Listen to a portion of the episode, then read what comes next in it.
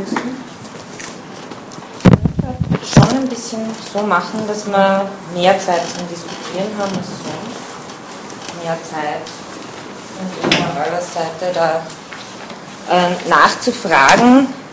Ähm, mit der Arendt jetzt, also das, wir haben heute eben den Arendt-Text und durchaus im Hintergrund auch den Kant-Text. Also ich habe eh gesagt, das stört mich überhaupt nicht, wenn jetzt äh, Bedürfnis besteht, dann noch, noch mal zu Kant zurückzukehren, auch das zu machen. Ähm, aber da es ja die phänomenologischen Kant-Lektüren sind, wäre das jetzt sozusagen noch eine letzte Variante, wie kann man Kant lesen. Und äh, die Arendt ist jemand, die Kant, äh, auf, also sich zuerst mal einen ganz bestimmten Kant rausholt, aus ganz bestimmten Gründen, und den dann auch äh, auf ihre Weise liest, wobei mir das Erste ist, dass sie natürlich einen Versuch zu enttranszendentalisieren. Das heißt, diese ganzen Überlegungen, äh, die Kant, deswegen haben wir die auch nicht gelesen, zur transzendentalen Deduktion der ästhetischen Urteile durchführt, die sind für Arendt alle nicht relevant. Das sind eher diese Argumente, die in den ersten beiden, wie wir das letzte Mal gehabt haben, die, äh, die qualitative Eigenschaft, also ähm, äh, interesseloses Wohlgefallen und die quantitative Eigenschaft dieser sogenannten im subjektiven Allgemeinheit. Dann war das dritte, das wir auslassen, äh, war die Relation, die, das, die Zweckmäßigkeit ohne Zweck. Auch darauf äh, spielt sie an, die Arendt. Und das vierte, das werden wir das nächste Mal nochmal Arendt mit Kant parallel lesen, gemeinsam, damit wir sozusagen einen Abschluss haben. Äh, die, äh, die Modalität, also sprich, da geht es nochmal dann äh, ganz explizit um diesen Sensus Communis. vielleicht, ich habe mir gedacht, zwei Fragen könnten eventuell aufkommen, vor allem bei denen, die noch nicht mit Arendt zu tun gehabt haben. Ähm, das erste wäre, warum sucht die Arendt jetzt sowas oder warum hat die Arendt nicht so mit Prinzipien und nicht so mit äh, ähm, moralischen Gesetzen und so weiter, weil das ist tatsächlich etwas, was Arendt in ihrem Denken ähm, immer umgeht, also nie, nie thematisiert. Ganz, ganz spät gibt es eine Vorlesung über das Böse, wo sie so ein bisschen einen Ethikentwurf versucht, aber ähm, man kann es wirklich nicht als, als den, äh, das Herzstück ihres Denkens äh, bezeichnen. Ähm, und die zweite Frage, die man gedacht hat, die man sich vielleicht stellen könnte, ist, äh, welche Aufgabe hat jetzt, soll jetzt dieses Urteilen erfüllen? Und dazu nur zwei kurze Bemerkungen. Ähm, das erste ist, also man kann, man, ja? Mhm. Na? Ich habe jetzt so die Angst, dass Ach so, na, dann, dann legen Sie los und dann sage ich es nach. Wenn es noch nicht gesagt wurde. Machen wir so, okay, drehen wir es um.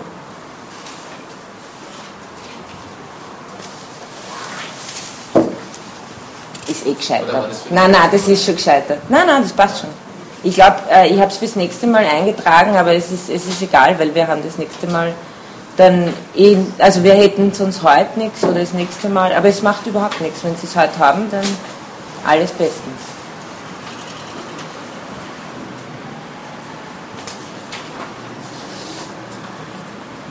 Ja. Danke.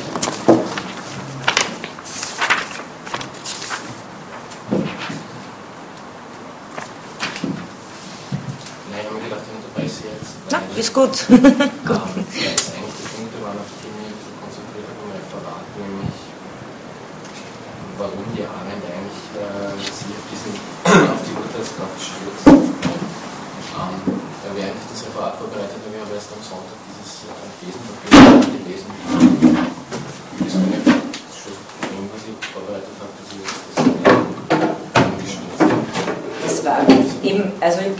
Vor mir, wenn Sie diese Texte lesen, Sie müssen sie aber nicht lesen, aber ich bin Ihnen auch dankbar, wenn Sie mir bei Kritik oder sonst irgendwas zurückgeben oder dann, weil das ist ja der Sinn der Sache, wenn, wenn mein, mein eigenes Geschreibsel von anderen die, die Freude hat, gelesen zu werden.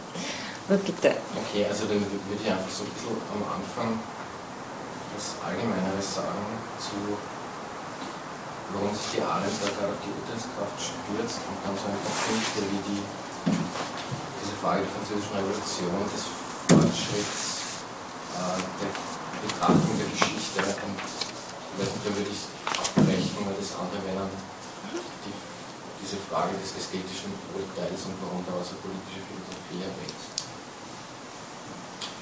Also vorausschicken möchte ich sagen, dass dieses Buch schon seit längerer Zeit nicht mehr ausgelegt wird, das Urteil, wie auch so viele andere Werke von der Arbeit, weil der Bieber Verlag offensichtlich ein Interesse daran hat, aber ich habe jetzt einmal nachgefragt und es dürfte in den nächsten ein, zwei Jahren wieder Gesamtausgabe geben. Also wer das Buch noch hat, der kann es jetzt noch sehr teuer antiquarisch verkaufen. Wieder einen normalen Preis.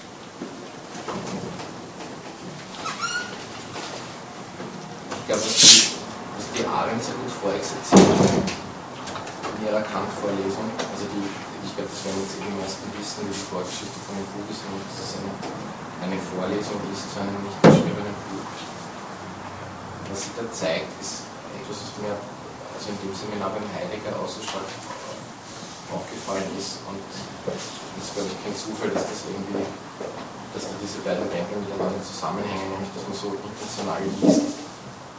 Also sehr stark hinschaut, wie die Thesen von Kant zur Urteilskraft vereinbar sind mit den eigenen Hauptthesen, die ja bei der Arendt sind, so die Pluralität, der Weltbezug, die politische Sphäre, die Öffentlichkeit. Und ich halte es eigentlich für durchaus gerechtfertigt und ist auch eine Form von, von sehr fruchtbarer Lektüre, diesen Stoff irgendwie neu zu beleben, indem er ihm seinen politischen Gehalt unterstellt. Und andererseits, was mir immer wieder auffällt, ist, dass die Arendt viel, oft viel genauer liest als andere. Also das, ich komme zu dem Punkt bei der Französischen Revolution, aber dass sie, was sie bei Marx gezeigt hat, dass Marx eigentlich viel genauer gelesen als die meisten Marxisten. Das kommt mir irgendwie auch bei Kant vor, zumindest entdeckt sie dann immer Punkte, die so allgemein äh, kaum kolportiert werden. Ich glaube, was die Art vor allem an der Kritik der Urteilskraft interessiert, ist so dieses, dieses Risiko, das man eingeht, wenn man, wenn man zu einem politisch Handelnden wird oder einem in der, in der Öffentlichkeit stehenden Handelnden. Ähm, das kommt ja in der Vita-Aktive immer wieder, dieses Risiko, das man auch eingehen muss äh, ihrer, ihrer Einschätzung nach und wenn sie dann die, die, die Trilogie von Kant einteilt in diese, in diese drei Grundfragen, was, was kann ich wissen, ähm,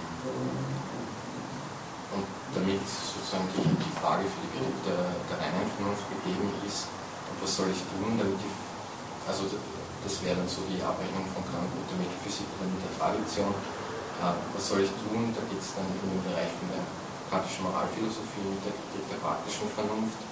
Und das sind ja zumindest oberflächlich Werke, wo von einer allgemeinen Regel ausgegangen wird, unter die man subsumieren kann. Und bei der Urteilskraft ist das eben nicht der Fall. Und ich glaube, dass das das Faszinierende ist für die Arendt, ähm, dass sich die Frage an einem ästhetischen Urteil nicht aus einer Regel ableiten kann. Und sie betont das ja auch sehr stark am Anfang in der Vorlesung, auch wie sie sagt, dass Kant, zumindest ihrer Ansicht nach, ich habe es jetzt nicht überprüft, in dem ganzen Buchkritik der Urteilskraft nicht von, von Wahrheit spricht. Ein weiterer Beweggrund ist, dass ja die Urteilskraft schon immer ganz, ganz früh in ihrem Denken eine bedeutende Rolle gespielt hat. Also jetzt nicht nur in dem, in dem Buch über den Eismann-Prozess, wo das sehr stark zum Tragen kommt, oder wo das eigentlich auf der Hintergrund ist, die Gefühlsmittel, sondern also ich denke mir, dass, dass ihr ganzes Schreiben eigentlich darauf abzielt, Urteile zu treffen und, und Dinge auszuschließen, auch, vor allem auch über die, über die Geschichte und die Geschichte der Philosophie, was ja auch in ihrer Auseinandersetzung mit Kant eine wichtige Rolle spielt.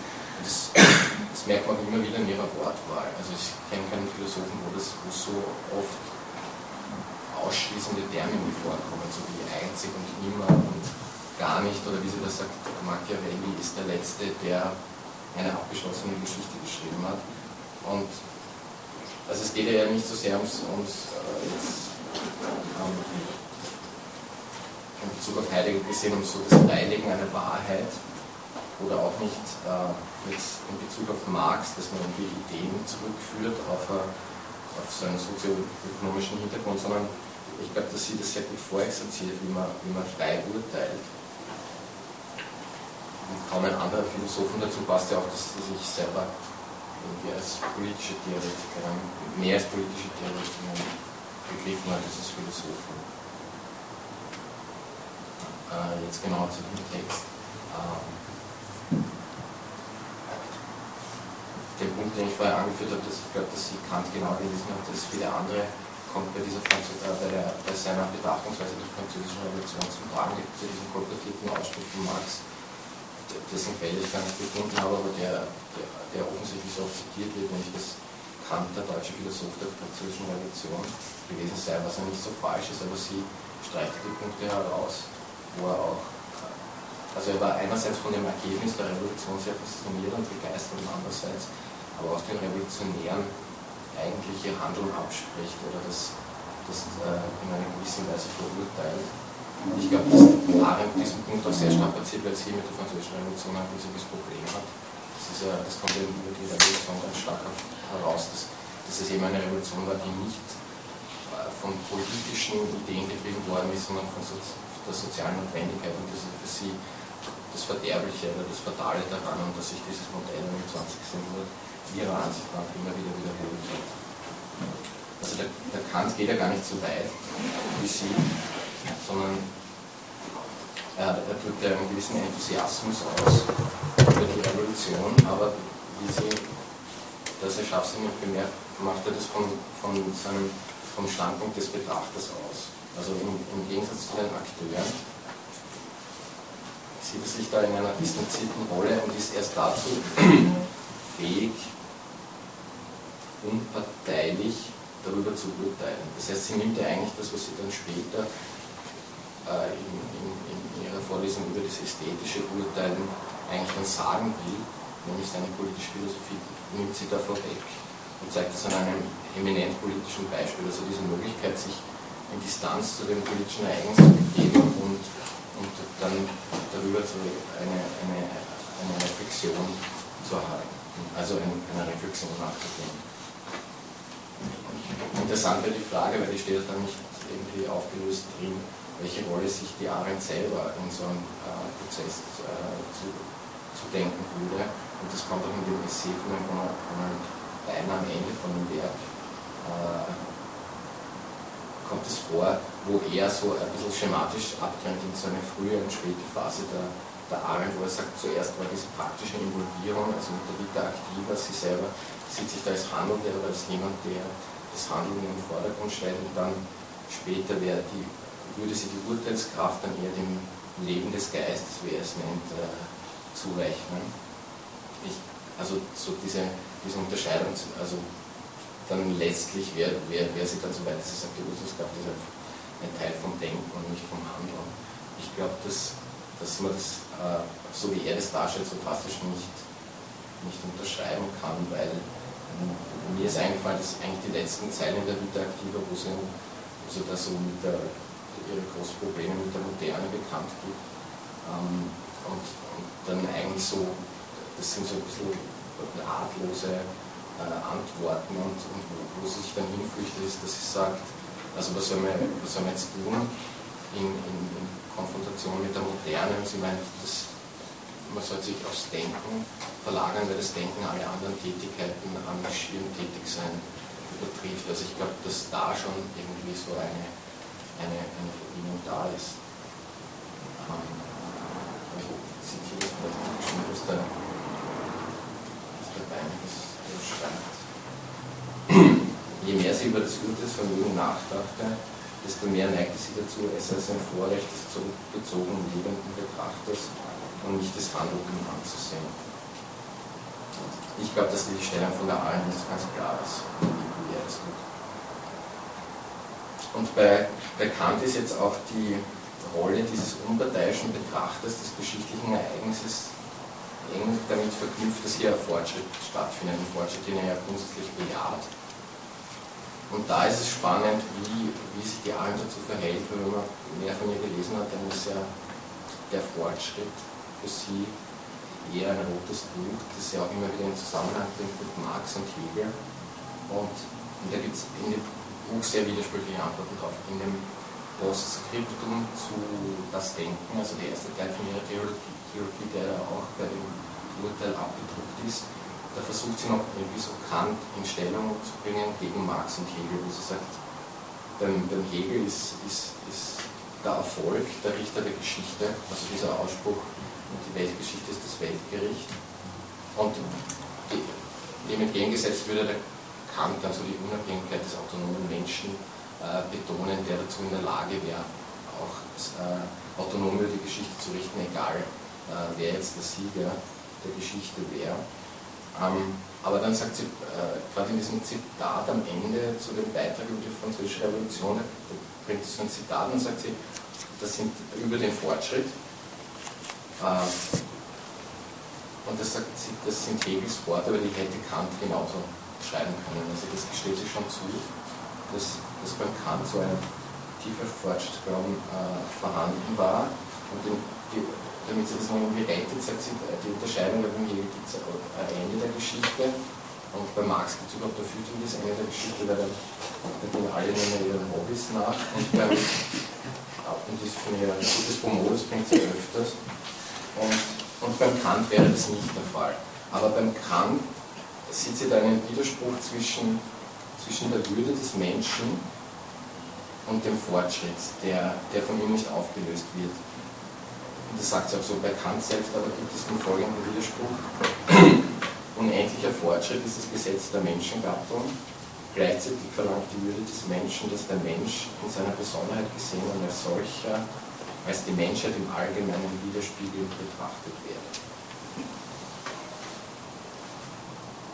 Und sie versucht da irgendwie dann so eine kategoriale Einteilung. Also der, die Moralphilosophie von Kant, die würde jetzt das Individuum, oder Individuum ist vielleicht so ganz richtig Aussage, aber die Menschheit ins Zentrum stellen und die Geschichtsphilosophie die Menschengattung. Ja, schon das Individuum. Schon, ich würde schon sagen, das autonome Individuum, weil das ja zum Handeln aufgerufen ist.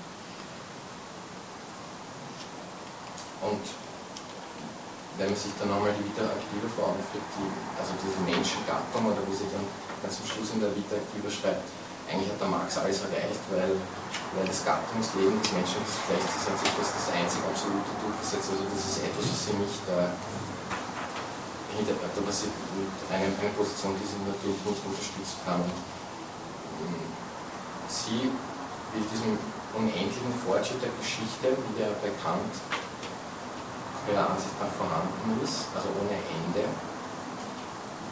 etwas gegenüberstellen, nämlich die erzählbare Geschichte. Das ist jetzt ein bisschen komisch durch die Übersetzung, weil sie, glaube ich, offensichtlich dieses Wortspiel im Englischen machen wollte zwischen History und Story. Und, und am Ende von dem, also der letzte Satz von dieser Vorlesung, es gibt keinen Punkt, an dem wir stillstehen und mit dem rückwärtsgewandten Blick des Historikers zurückschauen können. Also das wäre für sie das Ergebnis von, von Kant. Und das ist natürlich nicht ein Ergebnis, mit dem sie zufrieden ist.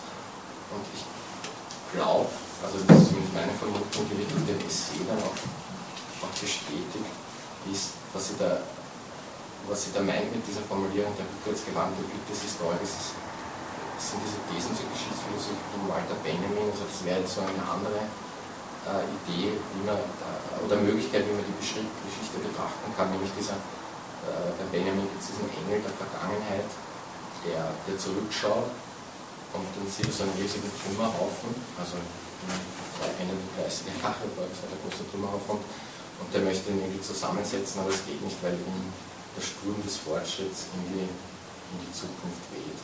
Und ich glaube, an diesem Bild orientiert sich das. Ja, der, der, schaut irgendwie so, ja.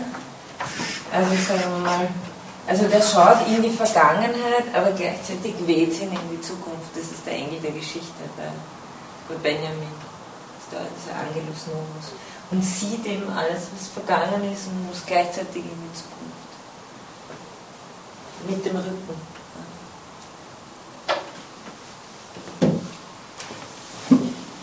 Sie schreibt ja auch da ganz am Anfang von der Pseudogottheit der Neuzeit Geschichte mit Namen, die sie natürlich nicht, also das ist nicht etwas, was sie, was sie anbieten kann. Und sie, ich glaube, sie versucht dann mit Kant gegen Kant gegen seinen äh, Fortschrittsbegriff zu argumentieren, wo sie sagt, Unabhängigkeit von den Dingen, wie sie geworden sind. Also sie sind unabhängig von den Dingen, wie sie geworden sind und können eigentlich in jeder Situation auch über die Geschichte zu Gericht sitzen.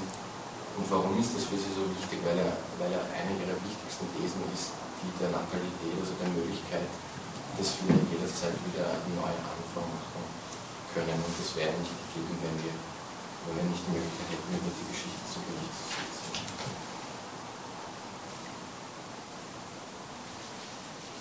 Ja, ich sage mal ganz was Kurzes, bevor ich zu diesem ästhetischen Urteil komme.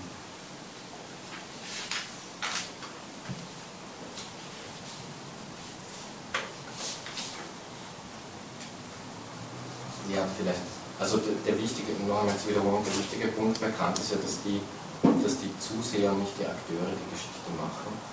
Und wesentlich daran ist aber eigentlich, dass sich diese Betrachter untereinander austauschen, müssen oder wie die Arendt sagt, Beziehung haben müssen, kommunizieren müssen. Und das eröffnet natürlich die Möglichkeit, dass der Mensch dann als politisches Wesen existieren kann, weil er mit diesem Urteil in die Öffentlichkeit tritt und sich miteinander austauschen muss. Und, ähm, äh, bevor ich darauf eingehe, nur möchte ich noch an so einen Einspruch von der Sela Benapit erinnern, die sie da in, in, ihrer, in ihrer Monographie von der Arendt, wenn sie davor bringt, nämlich was ich vorher schon gemeint habe, diese Idee des Denkens bei der Arendt ist jetzt nicht ganz so direkt vereinbar mit, mit ihrer Idee von der Urteilskraft. Also ich finde das ganz äh, nachvollziehbar, was die Benner Piep sagt, nämlich dass einerseits die Arendt hätte so die Idee gehabt, es gibt ein, ein, so ein platonisches Modell der Einheit der Seele mit sich selbst, also wie das Denken funktioniert und das müsste eigentlich möglichst widerspruchsfrei ablaufen. Und währenddessen dieses Prinzip der Urteilskraft, also wir sind uns alle alle, werden jetzt alle Betrachtungen des geschichtlichen Ereignisses und müssten uns mit unseren Urteilen, müssten diese Urteile gegenseitig austauschen, dann funktioniert es ja nicht mehr so ganz mit diesem, mit diesem, äh, mit diesem widerspruchsfreien Denken. Und die Benner sagt, also da gibt es, also sie meint, es wären wenig schlüssige äh, Überlegungen, wie Denken und Urteil da zusammenfallen können. Und sie bringt da zwei Beispiele, die die Arendt selber niedergeschrieben hat, wo, das, wo sich das schlagen wird, nämlich einerseits der Eichmann, wo sie ja sagt, der Eichmann war mit sich selbst im Reinen, da in diesem Gerichtssaal in Jerusalem, aber er war auch jemand, dem die Urteilskraft abgegangen ist. Und dasselbe äh, wäre ja auch auf den Heiligen anzuwenden, wo sie immer, also auch in dieser Rede zum 80. Geburtstag vom Heiligen, wo sie sagt, wo sind so gut für sie tiefe Denken, auch in der Einheit mit sich selbst, aber andererseits war ja das doch jemand, dem zumindest zeitweise seines Lebens da die Urteilskraft abgegangen ist. Also das Rätsel wäre sozusagen, wie kommt man vom Denken zum Urteil? Weil sie hat da auch so ein Trias, sie hat für die Vita Activa, hat sie das Arbeiten, Herstellen, Handeln, das ist für uns jetzt nur sekundär wichtig, aber das Leben des Geistes teilt sie genauso in drei Teile, das Denken, das Wollen, das Urteilen. Da klingelt es natürlich, Kritik der reinen Vernunft, Kritik der praktischen Urteilskraft. Und ähm, das Wollen ist überhaupt also ein relativ schwieriger Text, aber das Denken ist einerseits diese Aktivität und das, diese, das Anliegen bei ihr ist sozusagen, wie komme wenn sie das Urteilen geschrieben hat, ist, wie komme ich wieder zurück in die politische Welt. Also wenn ich mich zurückziehe, weil Denken ist für sie hauptsächlich, das ist schon auch wichtig, nicht erkennen, nicht zu einem Ergebnis kommen oder so irgendwas. Also das, das Ergebnis des Denkens ist nicht irgendwie so, aha, und jetzt habe ich die Erkenntnis, sondern Denken ist eigentlich nichts anderes, da hat sie sehr stark so ein Sokrates im Hintergrund. Äh, Denken ist eigentlich nur immer ab, sich selber in Frage stellen, abbauen von den eigenen Thesen. Sie spricht vom Wind des Denkens und dann sagt sie, es gibt kein, in den ganzen Schriften von Platon über Sokrates kein Ergebnis des Denkens, das nicht ein Windei gewesen wäre. Ja? Also letztendlich sind das ja alles Aporien, aber der Punkt ist bei ihr, um das geht es nicht beim Denken. Und jetzt, und das ist eine Stelle, die habe ich zufällig gefunden in einem Vortrag, wo sie sagt, wo sie diese Verbindung herstellt, die ist aber jetzt auch nicht so, aber da weiß man zumindest, wie sie auf die Idee kommt. Sie sagt, ähm, wenn man sozusagen diese Arbeit des Denkens durchgegangen ist, dann ist es dieses Wegräumen, das dann sozusagen den Raum fürs Urteilen erst frei macht. Also insofern wäre das Denken die Bedingung der Möglichkeit fürs Urteilen, aber das heißt noch lange nicht, dass das Urteilen dann auch stattfindet. Und ihre große Sorge ist ja in Bezug auf die Analyse der Geschichte der Moderne, dass wir das alle nicht mehr können.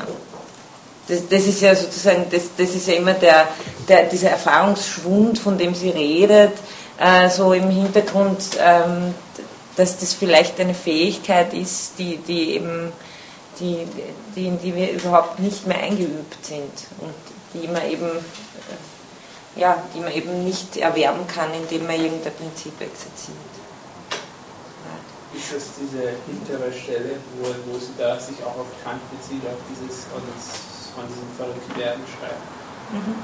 Wenn es nur mehr um Ideologie geht, genau, wenn man nur mehr alles von einem Standpunkt sieht. Ja. Also das ist dann sozusagen die Sichtweise, wenn alle gleichgeschaltet sind, durch welche Ideologie auch immer, ja, sei das jetzt äh, Kommunismus oder sagen wir Stalinismus, Nationalsozialismus oder auch Konsumkapitalismus, wenn alles nur mehr sozusagen in eine Richtung schaut, ja, dann äh, das ist keine Pluralität mehr.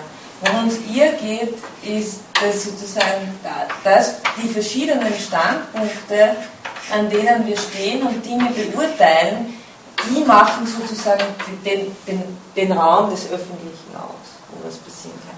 Und in so einer Situation, das, ist die, das wäre die Ideologie, der Verlust des Gemeinsinns, die, sich über das austauschen zu können, das wäre der Gemeinsinn.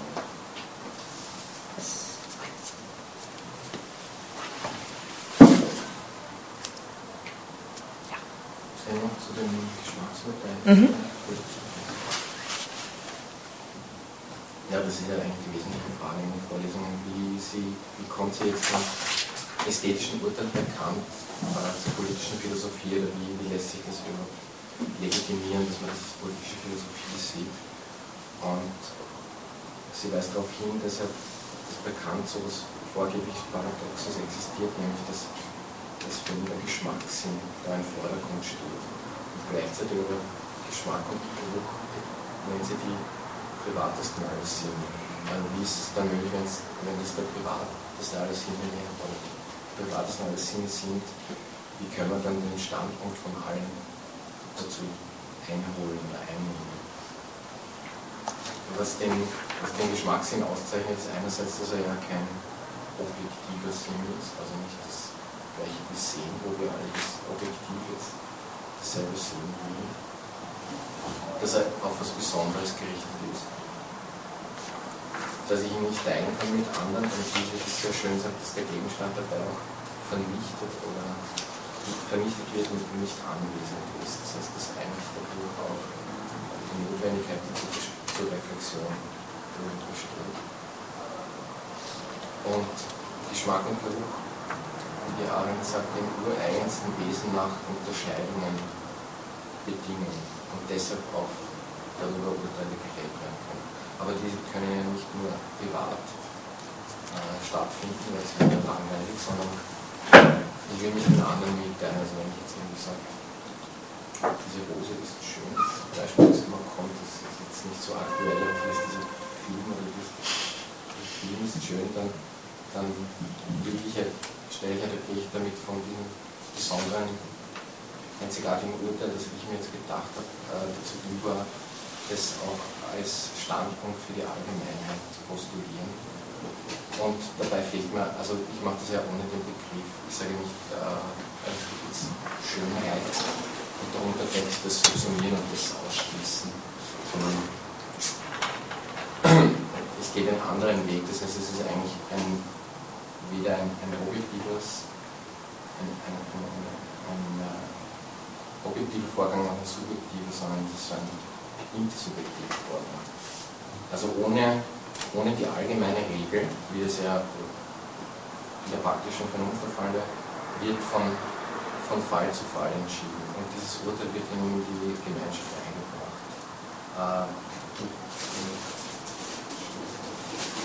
blättern, aber ich habe eine Stelle gefunden, wo das eigentlich schon ganz früh bei ihr gesagt wird, äh, und zwar in einem eminent politischen Zusammenhang, nämlich wie sich die Leute im Dritten Reich verhalten haben, ihren Prozessbericht aus Jerusalem über, über den Eichmann-Prozess, wo sie schreibt, diejenigen, die urteilten, urteilten frei. Sie hielten sich an keine Regeln, um unter sie Einzelfälle zu subsumieren, sie entschieden vielmehr jeden einzelnen Fall, wie er sich ihnen darbot, als ob es allgemeine Regel für ihn nicht gäbe.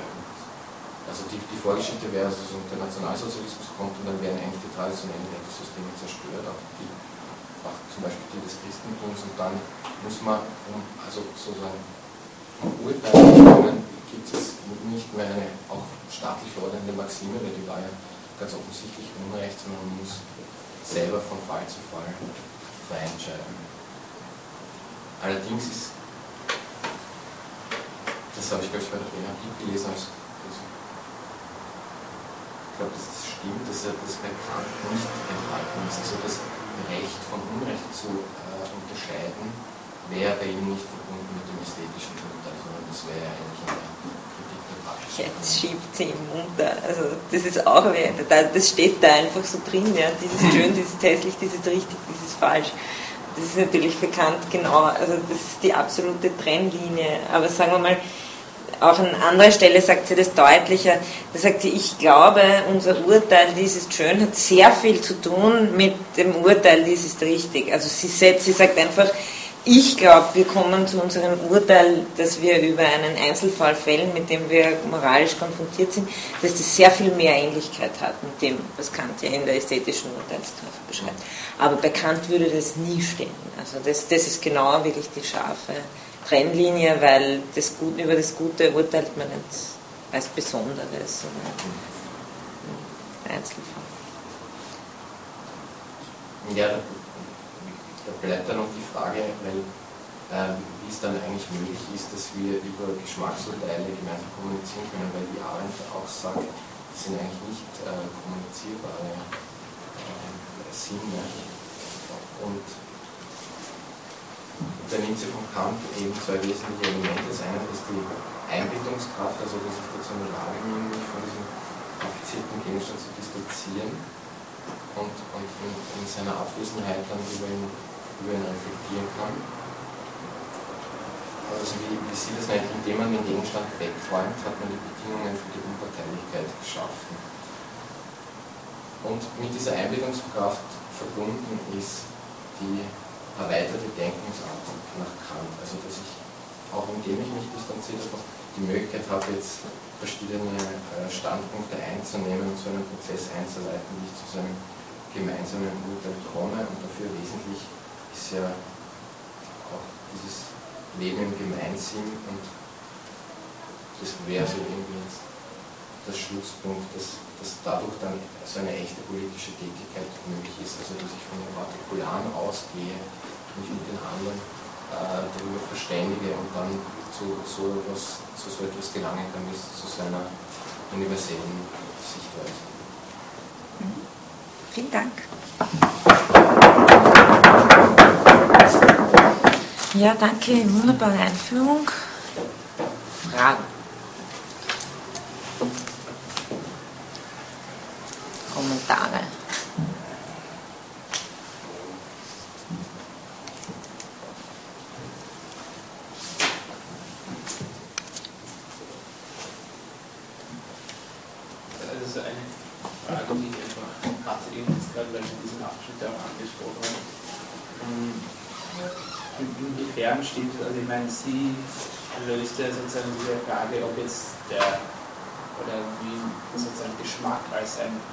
absolut privater Sinn sozusagen mitteilbar ist, oder was das mit Gesellschaft zu tun hat, damit, dass Kant irgendwo sagt, dass es sozusagen um die Gesellschaft geht. Da auf das Informatik ist das nicht gut. Und da ist die Tatsache, dass in Angelegenheiten des Geschmacks das Schöne nur in der Gesellschaft interessiert das, das, hatten wir, glaube ich, auch schon, dieses für sich allein will ein verlassener Mensch auf einer Wüsteninsel weder seine Hütte noch sich selbst ausputzen, sondern nur in Gesellschaft kommt es ihm ein, nicht bloß Mensch und so weiter. Sozusagen. Zitiert sie ja. Mhm. Was meinen Sie damit?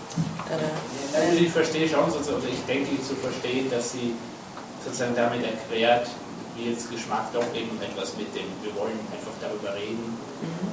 Oder sozusagen, dass wir uns über den Geschmack ausdrücken wollen, ist schon sozusagen, das ist immer so beim Menschen. Daraus entwickelt er sich erst und so. Und mir erscheint das nicht unbedingt plausibel, dass das so ist. also die These wäre, das äh, kann man durchaus auch allein. Also, ja, ja. Beziehungsweise, ich meine, sie zieht das ja, äh, sie unterscheint, es kann zu unterstellen, dass er das Herz ist und dass eben das Schöne immer sozusagen nur in Gesellschaft entsteht. Ja, bekannt, glaube ich, ist das schon nicht so weit hergeholt, weil ähm, was sie verbindet, und das glaube ich kann man schon verbinden, ist ähm, die, die, die Maxime des politischen Handelns bei Kant, wo es ja immer um die Publizität geht, also um das Recht der freien Feder. Ich muss so in, einer, in einem Staat, äh, darf ich zwar nicht Revolution machen, da ist Kant auch relativ klar, aber ähm, ich muss meine Meinung sagen können und die muss öffentlich sein können so dass sich andere auch Gedanken darüber machen können, ihre Meinung herausbilden. Ich meine, was bekannt, dass man nie vergessen da ist, immer die Aufklärung das Wichtigste im Hintergrund. Also selber denken, aber das heißt natürlich auch in Gemeinschaft mit anderen denken. Und ähm, Arends These ist jetzt, und ich glaube, die ist auch nicht so weit weg von Kant, weil die, die Zitate, die sie ja da bringt, die stehen ja wirklich dort. Ähm, dass das eine Sache der Geselligkeit ist. Also zu urteilen äh, ist, ähm, ist eben diese, diese Lust, die wir dabei empfinden, ist die Lust an der Mitteilung. Also, oder sagen wir so, es, es, es ist, es ist ähm, was Transitives. Es ist einerseits äh, sich, es ist dieses sich austauschen über die Welt, wie sie ist, dass die Lust am Ästhetischen erst das Ganze verursacht. Ansonsten wahrscheinlich, also das würde Kant wahrscheinlich als so ein wesentliches Merkmal bezeichnen am Geschmacksurteil, dass das äh, Austauschen drüber und das Reden drüber äh, einfach dazugehört. Ähm, was da weniger zusammenstimmt, ist sicher diese, ähm, das Genießen des Natur, oder Genießen, ja, aber das Naturschöne. Ne? Das, das würde ich sagen, das, das passt da am wenigsten rein, weil das kann man tatsächlich auch, also verbindet man auch sehr stark mit, mit Alleinsein. Ähm, Allerdings kommen wir dann auch immer zurück und sagen, wie schön es war. Also wie oft wir uns erzählen, wie schön die Natur ist, obwohl es eh jeder weiß, ist ja auch im Grunde genommen ähm, eine, eine relativ erstaunliche Sache. Ja. Aber ähm, das heißt, äh, ich, ich, mir, mir scheint, was, was schon entscheidend ist an dieser, an dieser Lust, ist nicht, dass sie nur in der Reflexion auf den Gegenstand ist, sondern dass diese Reflexion gleich auch äh, immer den Austausch mit den anderen mit einbezieht. Und mir scheint schon, dass das für Kant auch ähm, eben diese, die, die Geselligkeit ist zwar bei ihm ein, ein empirisches Motiv, also Mensch als Weltwesen, das macht aber der Arendt überhaupt nichts, weil die will eh nichts wissen von den transzendentalen Überlegungen. Äh, aber dass das es ist, was diesen Gemeinschaftsraum konstituiert. Und die Frage, die Arendt wegwischt, ist, ist die, ähm, um zu sagen, na gut, aber wie, wie kann ich das beweisen? Ja? Sie sagt, äh, transzendental etwas zu beweisen ist für sie überhaupt nicht mehr der entscheidende Punkt, sondern sie geht aus von, der, von dem Erscheinen der Welt und versucht über die Welterscheinung selber, über das, was sich an Handeln, an Kommunikation, an Vollzug dort abspielt, von da aus rückwirkend zu sagen, was das Gemeinsame ist und nicht von irgendwelchen einzelnen Subjekten her. Insofern, ähm, ja, also ich, ich, ich glaube, das ist, ähm, worum es ja einfach geht, ist eher wirklich dieses mir scheint bekannt ja auch, ist eher wirklich diese Sphäre herauszuarbeiten, die diese bestimmte Art von Urteil ist. Und ich weiß gar nicht, ob es jetzt, ob jetzt wirklich, wenn wir jetzt sagen, trifft es auf alles zu, von dem wir sagen, dass es schön ist. Ja, also mir geht es nur darum, mhm. das zu sagen oder zu fragen, meinen wir jetzt wirklich dann gäbe es sowas wie Geselligkeit nicht, dann würden wir über Schön überhaupt nicht sprechen. Ja, dann sprechen wir nicht. Ja, dann sprechen wir nicht. Oder dann würden wir nichts als schön beurteilen. Das scheint mir zu weit her. Na, die Idee, na, die Idee ist schon die, dass sich. Zusammenhängt natürlich. So, aber, hm, aber, die Idee ist die, dass ich wirklich als äh, Robinson ähm, eigentlich nur mehr mit der Notwendigkeit des Lebens zu tun habe. Und mich, also da, da bin ich, und das ist für Arendt sozusagen, das wollte eben auch ganz am, am Anfang bringen, warum sie so gegen, warum, warum sie das sowohl Wahrheitstheorien problematisch findet, also Episteme im Gegensatz zu Doxa, ist, weil sie immer von dem Menschen redet und über den Menschen das Wahre aussagt und sie will aber über die Menschen sprechen. Und äh, favorisiert deswegen ganz andere Modi, also eher den Sinnmodus als den Wahrheitsmodus, wo es immer nur eine Wahrheit gibt, wurscht, äh, an welchem Standpunkt jeder steht. Und äh, das Zweite ist dasselbe, also die Notwendigkeit ähm, zwingt uns einerseits die, diese Wahrheit auf, die Logik, gegen die wir uns nicht wehren können, die Geschichte, wenn wir sie so sehen, und das Leben. Ja? Also durchs Leben sind wir einfach gezwungen. Wenn man das, und, und da nimmt sie sehr stark einen altgriechischen Gedanken auf, äh, dass das eigentlich das größte Joch ist, von dem man sich äh, zu befreien habe, von diesen Notwendigkeiten.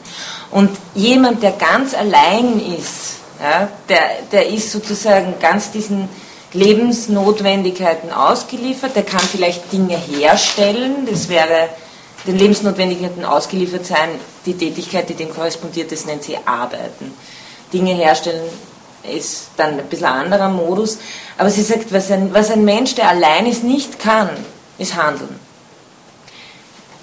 Handlungsbegriff mit jemand gemeinsam etwas tun. Ja? Also sie sagt, wenn ich, wenn ich einen Baum umschneide, ist das keine Handlung, sondern dann heißt es ein Herstellungsprozess oder ich arbeite, weil ich damit den Baum wegräumen will und so. Also sie hat einen ganz spezifischen Handlungsbegriff. Und dasselbe gilt für das Urteil ähm, über das, was wir, sagen wir es mal in Adern zweiten Sinn, richtig finden, gut finden, ästhetisch wertvoll finden. Äh, das ist, wenn ich allein bin, äh, ist das, muss ich mich mit niemand darüber unterhalten, wie, ich, wie sozusagen die Welt ausschaut. So. Schaut sie so aus, wie sie ist und ich tue drin das, was ich tue.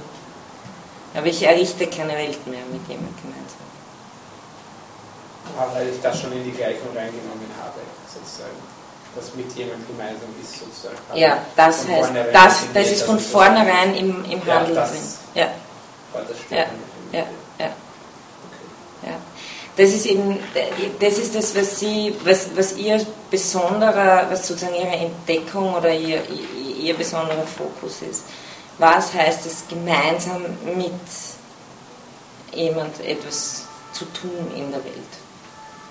Das interessiert sie. Und da versucht sie die speziellen Modi herauszuarbeiten.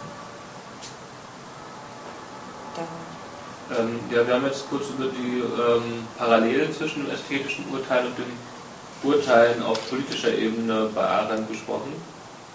Und ähm, jetzt wäre meine Frage, beim äh, ästhetischen Urteil ist es ja so, dass es interessenlos ist, mhm. also so charakterisiert ist.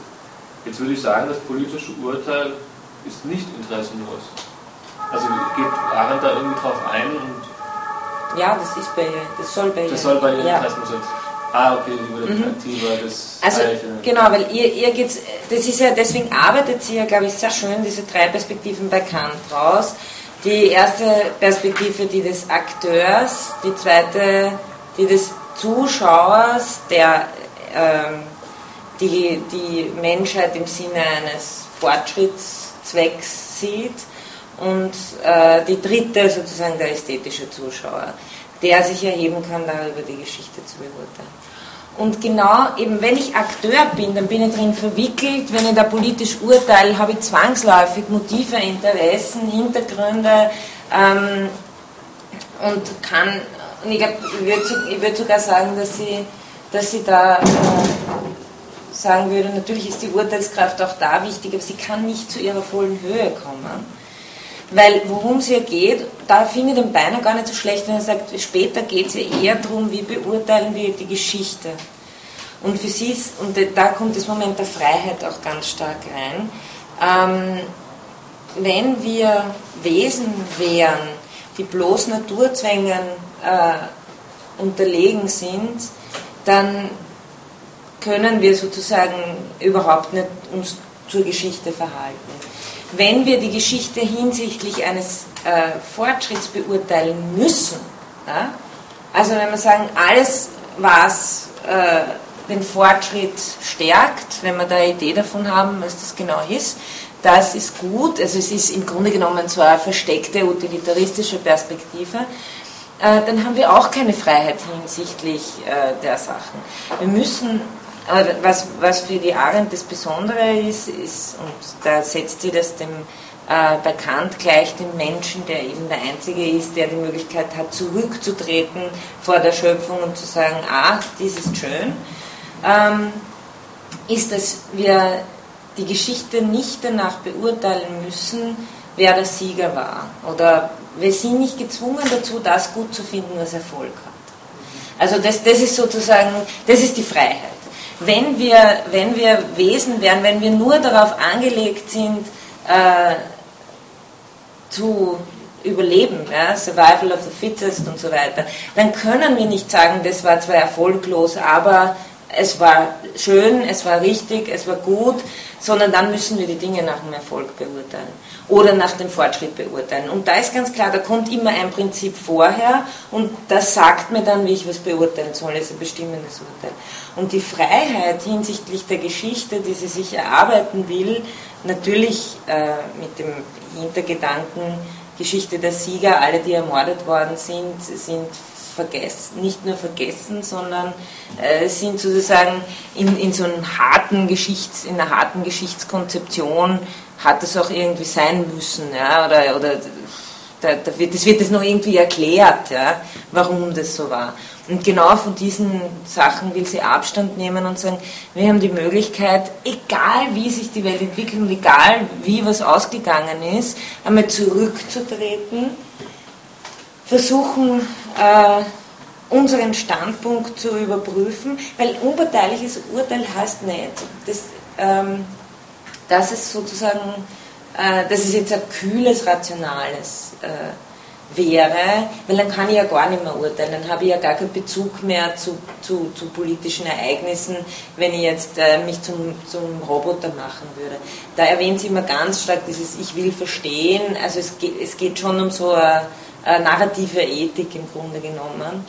Ähm, aber, aber es geht mir zuerst darum, mich loszumachen von dem, was mich direkt betrifft.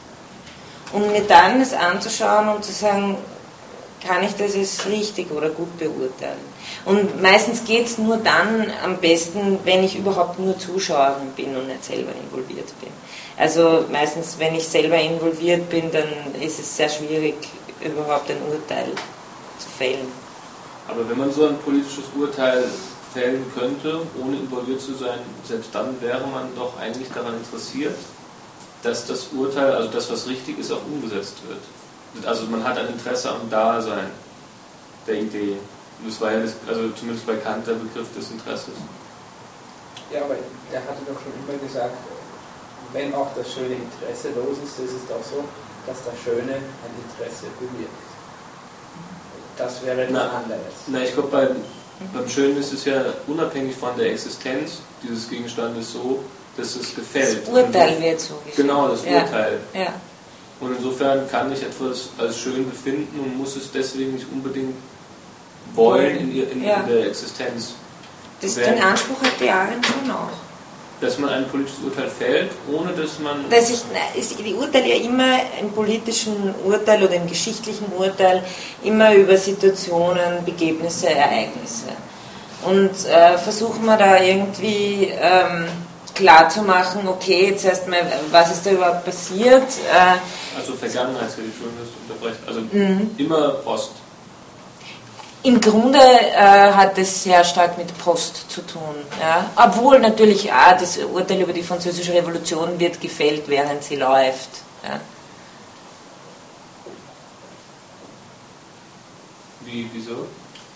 Die, was sie da von Kant, also einfach die Zitate, die sie bringt. Ach so, okay. Ja. Ja, ja. Aber eher weit weg vom Geschehen. Ich habe, was, es ist, es ist, ein, es ist ein, ein, weniger ungewöhnlicher Gedanke. Wir sind wenig vertraut mit sowas. Es kommt oft äh, der Einwand, naja, aber das ist doch irgendwie komisch distanziert. Man sollte sich vielleicht wirklich direkt auf die Sachen einlassen.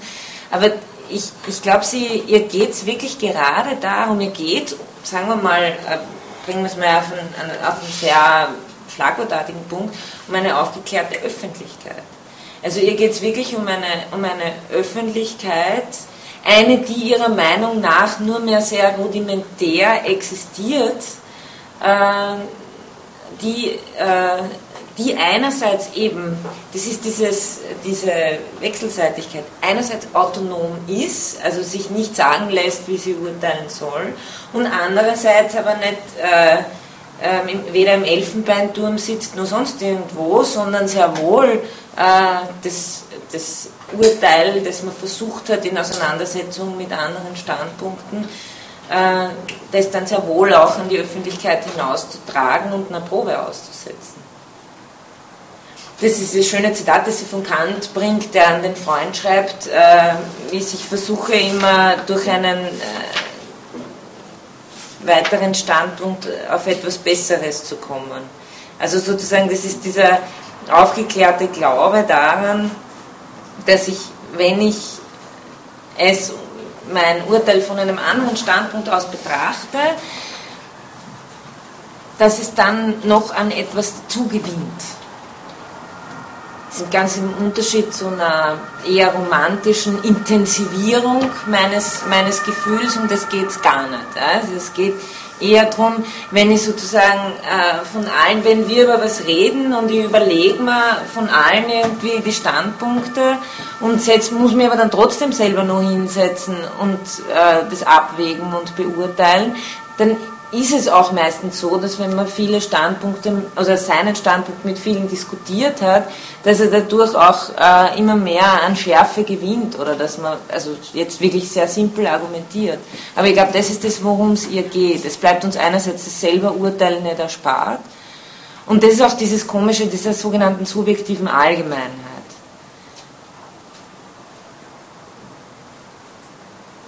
Weil es ist, also bekannt ist das, das wollte nur, bekannt ist klar, was subjektive Allgemeinheit heißt. Es ist nicht objektive Allgemeinheit, sondern es ist die Allgemeinheit der Erkenntnisbedingungen im Subjekt, deswegen subjektive Allgemeinheit.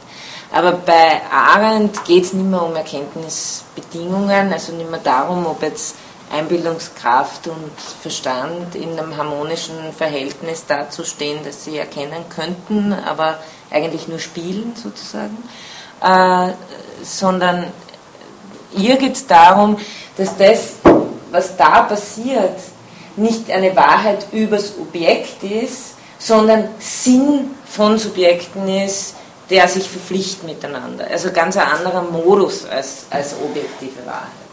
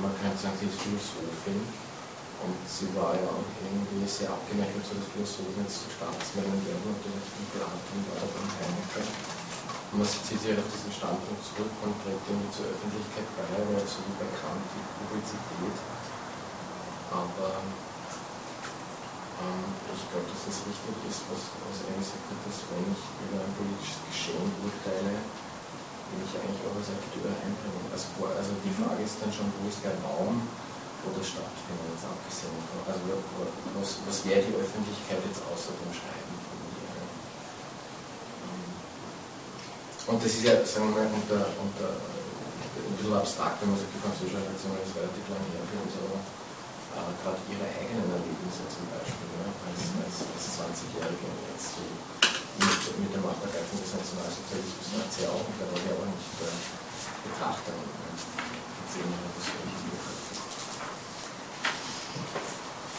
Ja, bei Eichmann zum Beispiel schon. Also man kann ja immer sagen, also das ist die Frage, ähm, immer was man jetzt auch, ähm, wie, wie, ob man jetzt sagen will, wenn ich in der Öffentlichkeit, wenn ich ein Buch schreibe, wenn ich mich zu Wort melde, ist das schon Handeln.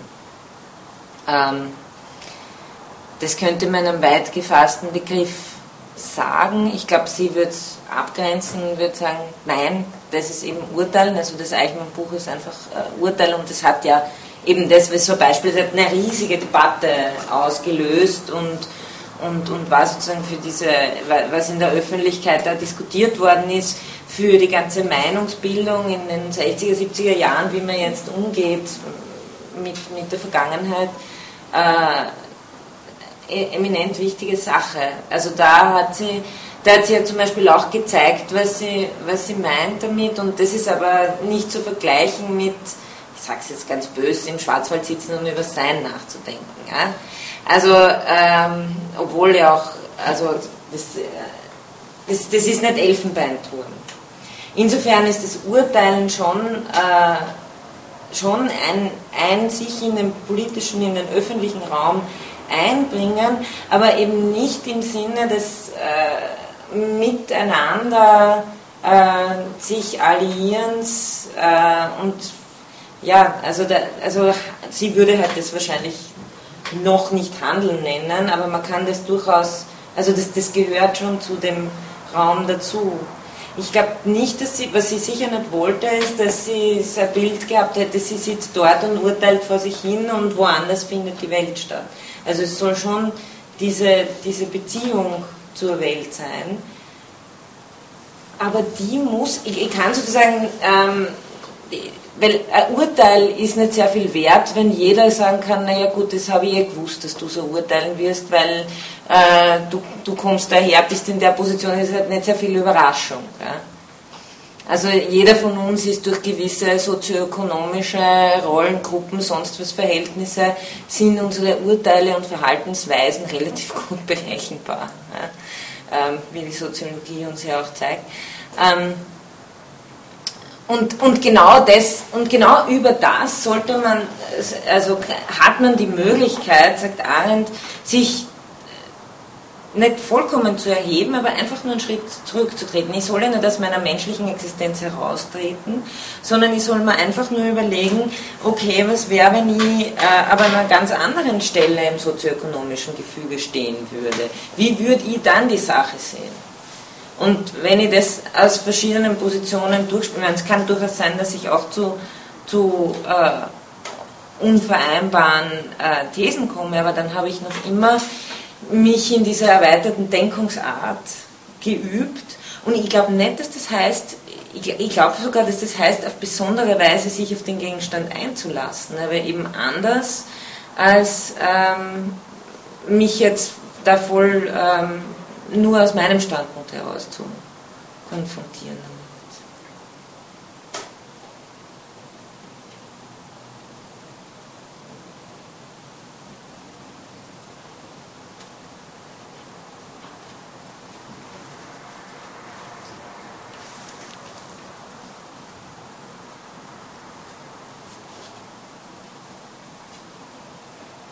Und dass wir eben über die Geschichte selbst richten sollen. Also da kommt, ich weiß nicht, das, das ist ganz am Anfang drinnen, das ist sozusagen der Leitspruch für, für das ganze Urteilen. Ähm, das Cato-Zitat, das ist im, im, im Vorwort, also das Victrix Causa Deus Placuit, Victor Catoni, die siegreiche Kind aus Maastricht, die siegreiche Sache gefiel den Göttern, die besiegte aber gefällt Cato.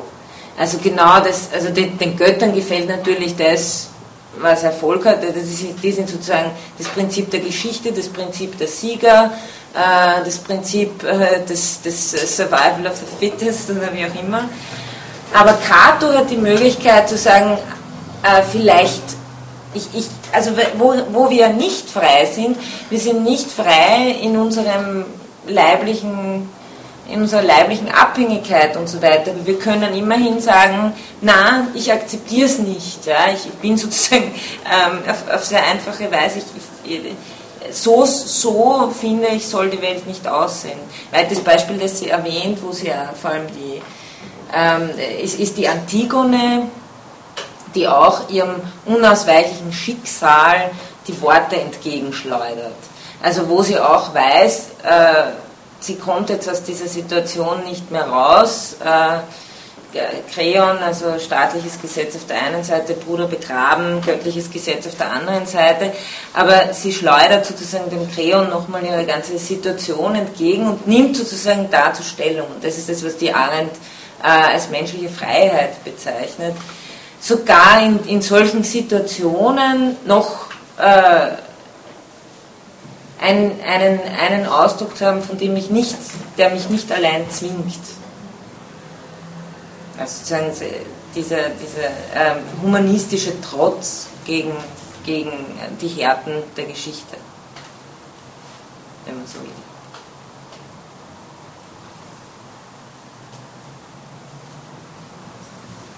War da eine Frage?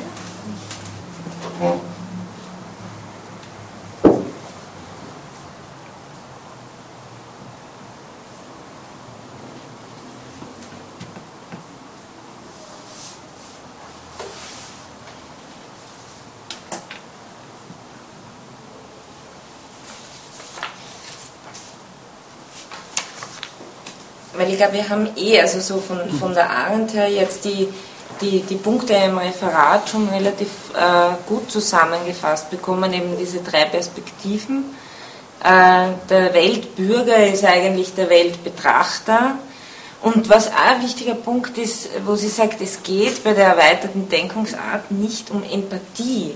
Also es geht nicht darum, dass ich äh, mich in den anderen reinversetze und mir äh, mir vergegenwärtige, versuche zu verstehen, wie fühlt der andere jetzt? Und dann mit ihm mitfühle und daraus mein Urteil fälle, nein, sondern ich, es geht vielmehr darum, äh, zu versuchen, die Perspektive des anderen äh, bloß zu imaginieren, also nie mit dem, nie mit dem, äh, also die, die, die These ist nicht, dass ich weiß, wie der andere denkt sondern ich versuche mich nur zu fragen, wie würde ich an dieser Stelle denken? Mir geht's, ich versuche diese Stelle äh, anzuvisieren in, in meinem erweiterten Denken.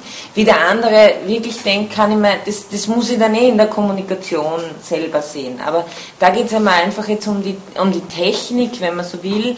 Wie kann ich versuchen zu urteilen, ohne dass ich bloß in meinen eigenen subjektiven Bedingungen drinnen hänge? Und wenn man das, also man, offensichtlich haben wir ja eine gewisse Fähigkeit, das zu können. Sonst würde man ja wirklich nie einen anderen Standpunkt annehmen können, äh, weil wir reflektiert haben drüber. Das wäre Einbildungskraft. Ja, genau. Das, das, wäre, das wäre Einbildungskraft.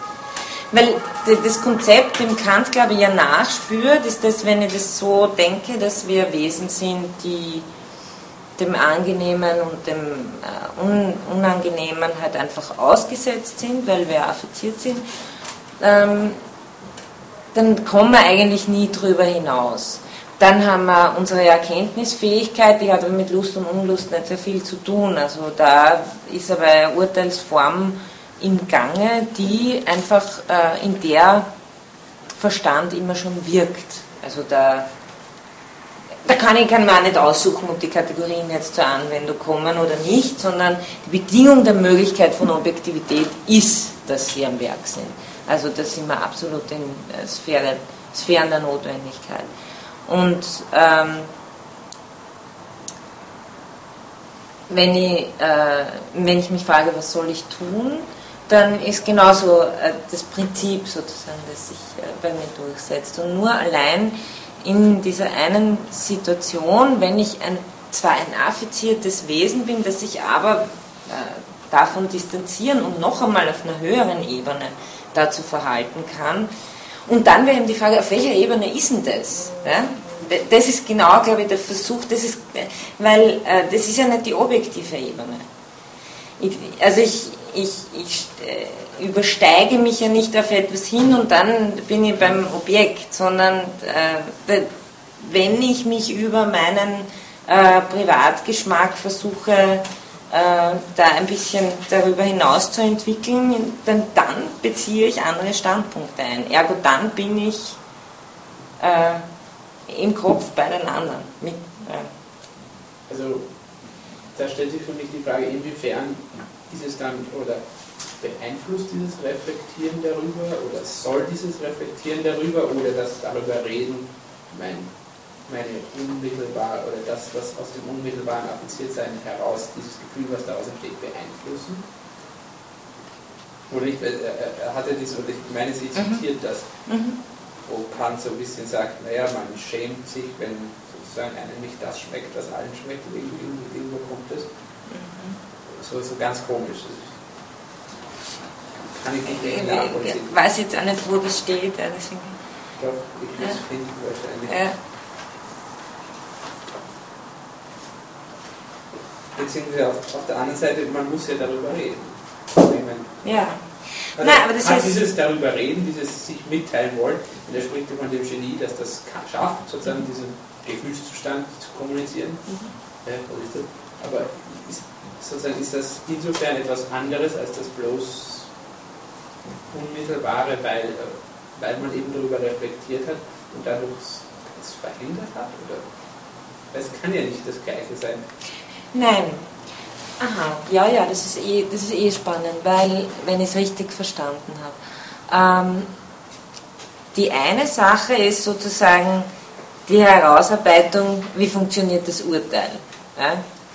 Also wie, was ist sozusagen die Technik dieses Urteilens, die Gebrauchsanweisung, wie, wie komme ich, wie mache ich mir ein reflektiertes Urteil. Die andere, äh, die andere Sache mit, mit der Geselligkeit zielt vor allem bei der Arendt ein bisschen darauf hin, was ist die Bedingung der Möglichkeit, damit ich das überhaupt kann und damit ich es auch weiter vollziehen kann. Und äh, das, äh, das ist schon eine Dialektik zwischen autonomem Subjekt, das selbst urteilt, und andererseits einerseits impliziter Intersubjektivität im Vollzug des Urteils und expliziter Intersubjektivität im Kommunizieren über das Urteil. Und der, der Prozess ist ja nie fertig, aber er, er hat immer diesen äh, Pol, dass ich in dem kommuniziert wird drüber, noch einmal wieder mich zurückziehe, wieder imaginiert das Ganze durchspiele und dann möglicherweise, vielleicht, vielleicht doch nicht zu einem anderen Urteil komme. Aber der Prozess selber, das, ist, das ist, äh, spielt sich sozusagen in der Einbildungskraft ab. Da bin ich, da bin ich allein, aber ich bin nicht allein allein, sondern ich bin sozusagen äh, meine Reflexion, und das meint die Arendt, wenn sie sagt, äh, fürs Urteilen ist die Bedingtheit die Pluralität. Meine Reflexion erfordert, dass ich, dass irgendwie in meinem Denken die Möglichkeit besteht, andere Standpunkte mit einzubeziehen an die ich mich dann imaginiert stelle. Und die Idee hätte ich nicht, wenn es nicht andere Menschen gäbe. Wenn ich allein auf der Welt wäre, dann gibt es keinen anderen Standpunkt. Dann gibt es nur den objektiven Standpunkt und meinen Standpunkt. Aber dann gibt es niemand sonst, der auf die Welt schaut. Also wahrscheinlich ist mein Nachbarn jetzt nicht ganz korrekt, aber womit ich ein Problem habe, sobald ich davon spreche, von anderen Standpunkten auf etwas zu sehen, wie auch immer, dann bin ich doch nicht mehr ganz ohne Begriffe. Ich meine, was, was soll das heißen? Nehmen wir es an, Erdbeereis zu schmecken, von dem Standpunkt aus oder von jenem. Mhm. Ich meine, entweder schmeckt oder nicht. Genau. Meine, natürlich können, ja. können mir Leute etwas darüber erzählen und denken, da war nicht das berücksichtigt, das hat alles, das ist unfaire Arbeitsbedingungen, keine Ahnung, so, das könnte ja. Einkommen sein. Und wenn ich das berücksichtigt habe, eigentlich schmeckt es mir. Wirklich im wahrsten Sinne des nicht mehr. Wirklich, kann ich mir vorstellen. Ist das jetzt sehr ja, absurd? Oder? Nein, aber, aber, aber, aber das, das Erdbeereis ist, ist, wäre genau das Beispiel fürs Angenehme, wo ich mir sehr schwer tue, das in der Einbildung, man müsste sozusagen in der Einbildungskraft noch einmal die Form des Erdbeereises nachschmecken. Jetzt, das ist halt so schwierig. Ja. Aber, ähm, also nehm, nehm, aber verstehst du das? Ja, ja, ja, ja. Ähm, aber das mit den Begriffen habe ich mir eh überlegt. Es geht, es geht nicht darum, dass im ästhetischen, dass ästhetische Urteile überhaupt mit Begriffen zu tun haben, sondern die Frage ist, welche Rolle spielen hier die Begriffe? Wie kommen sie zum Einsatz? Und normalerweise bei bestimmten Urteilen sind Begriffe da und es findet Subsumption statt. Durch den Schematismus. Ähm, und das ist offensichtlich beim ästhetischen Urteil anders. Also da ist nicht der Begriff das bloße allgemeine Schema, unter das das Einzelne fällt, sondern äh, ich, versuche im ästhetischen Urteil, in, schon allein indem ich zu urteilen versuche, muss ich Begriffe anwenden. Also das, das ist klar, Begriffe sind schon mit dabei. Aber sie spielen nicht die entscheidende Rolle, sondern das entscheidende Prinzip, das Kant ja eben äh, herausarbeitet, ist das der, der Zweckmäßigkeit ohne Zweck. So als ob es zu etwas gut wäre, als ob es in sich sinnvoll wäre. Das, das, ist das, das ist das Prinzip, das die Urteilskraft bei Kant verwendet, um um zu reflektieren. Und die Arendt würde übersetzen und sagen, das ist, äh, wenn ich frage, äh, wozu ist es gut, es ist in sich sinnvoll. Es macht sozusagen Sinn in der Welt, es macht uns heimisch in der Welt, so wie die Arendt äh, die Sache übersetzt. Aber für ähm, die Begriffe spielen in, in diesen Urteilen eine untergeordnete Rolle, weil was mich letztlich zu meinem Urteil bringt, ist schon diese, ist diese ganze Operation, aber dann letztlich schon, schmeckt es mir oder schmeckt es mir nicht, in der Distanz, aber in der Distanziertheit. Und das ist der Unterschied zum direkten Erdbeereisgeschmack. auch, also auch das kann ich persönlich nicht nachvollziehen. Das, ich finde, das geht sehr wohl. Was, was geht sehr wohl? Etwas schmecken, was man jetzt nicht gerade schmeckt. Also sich das vorstellen. Ach so, ja, das wendet sich ja ein, dass das nicht geht. Ich finde auch, dass das geht. Oder Geruch. Ja, ja, ja, ja. Okay, kann man Rasse nicht finden. Dann machen wir es mit sehen, das spielt ja keine Rolle. Mhm, mhm. Nein, da bin da auch nicht mit dir einverstanden, dass das gar nicht gehen würde. Aber ich glaube, es, äh, es dreht sich ja nur darum, also dieses Es schmeckt mir, habe ich jetzt metaphorisch gemeint, äh, auf einer höheren Stufe als der unmittelbar Affizierten nochmal das nochmal dasselbe zu machen, aber da ist es dann eben was anderes und diese höhere Stufe ist keine objektive, sondern, ein, sondern eben eine intersubjektive. Und, und eine, die durch andere Standpunkte beeinflusst, durchaus durch Begriffe beeinflusst wird, aber letztlich trotz all diesem Beeinfluss geht es eben darum, um das Nicht-Begriffliche, was da beurteilt wird. Genau, und ich glaube auch, diese Sache mit den anderen Standpunkten ist vielmehr äh, ein Durchspielen der Einbildungskraft. Wenn man jetzt, also welches Vermögen wird da mobilisiert? Ich versuche mal echt zu denken, okay, ähm, wie, wie wäre das, wie, wie würde ich das an dieser und jener, in dieser und jener Situation finden? und dann versetze ich mich rein in die Situation und dann schmecke ich es nochmal nach. Und das, deswegen habe ich das gebracht. Ich glaube, äh, wenn wir moralisch urteilen, machen wir es auch oft so. Also wenn wir, wenn wir dann sagen, okay, na wie würde aber ich an dieser Stelle äh, urteilen, dann, dann wenden wir auch oft diese Methode an um sozusagen zu einem relativ unparteiischen, ausgewogeneren Urteil zu kommen. Und ich, ich glaube schon auch, also dieses sich beeinflussen lassen von anderen Standpunkten ist genau das, sagen wir so, wir haben zwei, wir haben, wir haben sowas wie so, ein, so, so eine Schleife in diesem äh, Urteilsprozess, der genau das Wünschenswerte der, der aufgeklärten Öffentlichkeit ausmachen würde, so wie sich Arendt und Kant vorstellen. Ich habe einerseits sozusagen meinen, meinen Urteilsprozess, wo ich diese imaginierten Standpunkte mir denke und mich dann in jedes reinversetze und sage, wie schmeckt mir, kommt zu meinem Urteil. Und damit gehe ich dann in die Öffentlichkeit und bin aber mit konkreten anderen konfrontiert, die mir sagen, hm, na, aber ich sehe das so und so und so. Also da, ich habe es einmal, aber ich kann nicht in die Öffentlichkeit gehen, äh, einfach mit, oder ich, natürlich können, können durch alles, ja, aber wenn ich nicht bereit bin, mich darauf einzulassen äh, und einfach nur meinen Zustand wiedergebe, ja, dann, dann, dann werde ich, sagen wir so, dann, dann werde ich vom Austausch mit den anderen nicht viel haben. Weil wenn ich nicht wissen will, wie es für, eine, für einen anderen Standpunkt wäre, dann ist es, dann ist es sinnlos für mich. Also versuche ich möglichst äh, auf, auf einer Ebene zu kommunizieren, die die anderen auch nachvollziehen können. Und das ist sozusagen so ein, ein Hin- und Hergehen, so, so wie Kant es eben auch schreibt. Also Sie wissen, dass ich jedes Mal mein Urteil, in, wie in einem Brief schreibt, wieder, ich bin bereit, alles nochmal umzuwerfen, weil wenn ich es von der anderen Seite sehen kann, dann kommt vielleicht etwas Besseres raus. Also ganz simpel gesagt. Ja. Und äh, das wäre, also es wäre wünschenswerterweise natürlich äh, äh, so ein Prozess, aber nicht unbedingt, aber natürlich nicht mit dem Ziel, sondern da ist der Weg das Ziel. Das kommt ja noch dazu. Der Arendt geht es ja, da es hier darum geht, und da es ja um, wie bei Heidegger,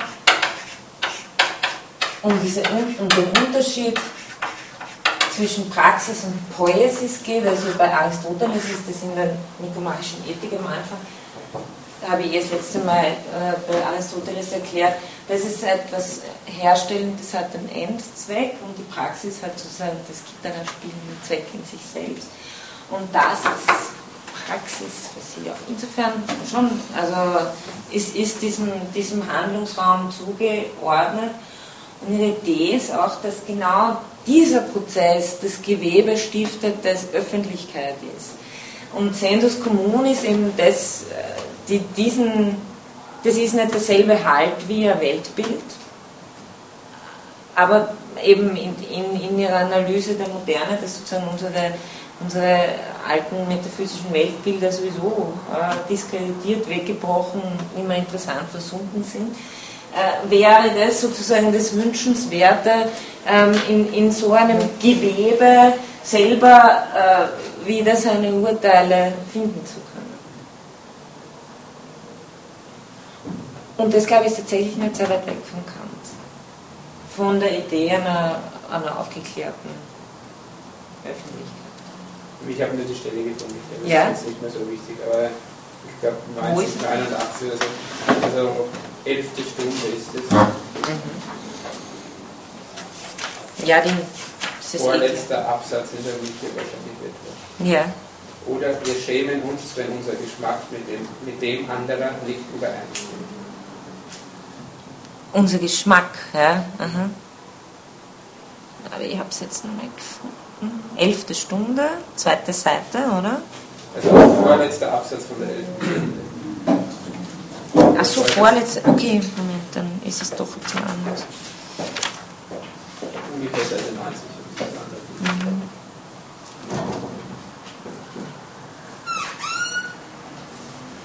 Aber ja. 90 Ah ja. Mhm. Was sagt sie da vorne? Äh, es den gemeint Kant für sich sehr früh bewusst, dass etwas nicht Subjektives in dem gab, was scheinbar der privateste und subjektive Sinn ist. Diese Bewusstheit verleiht er wie folgt Ausdruck.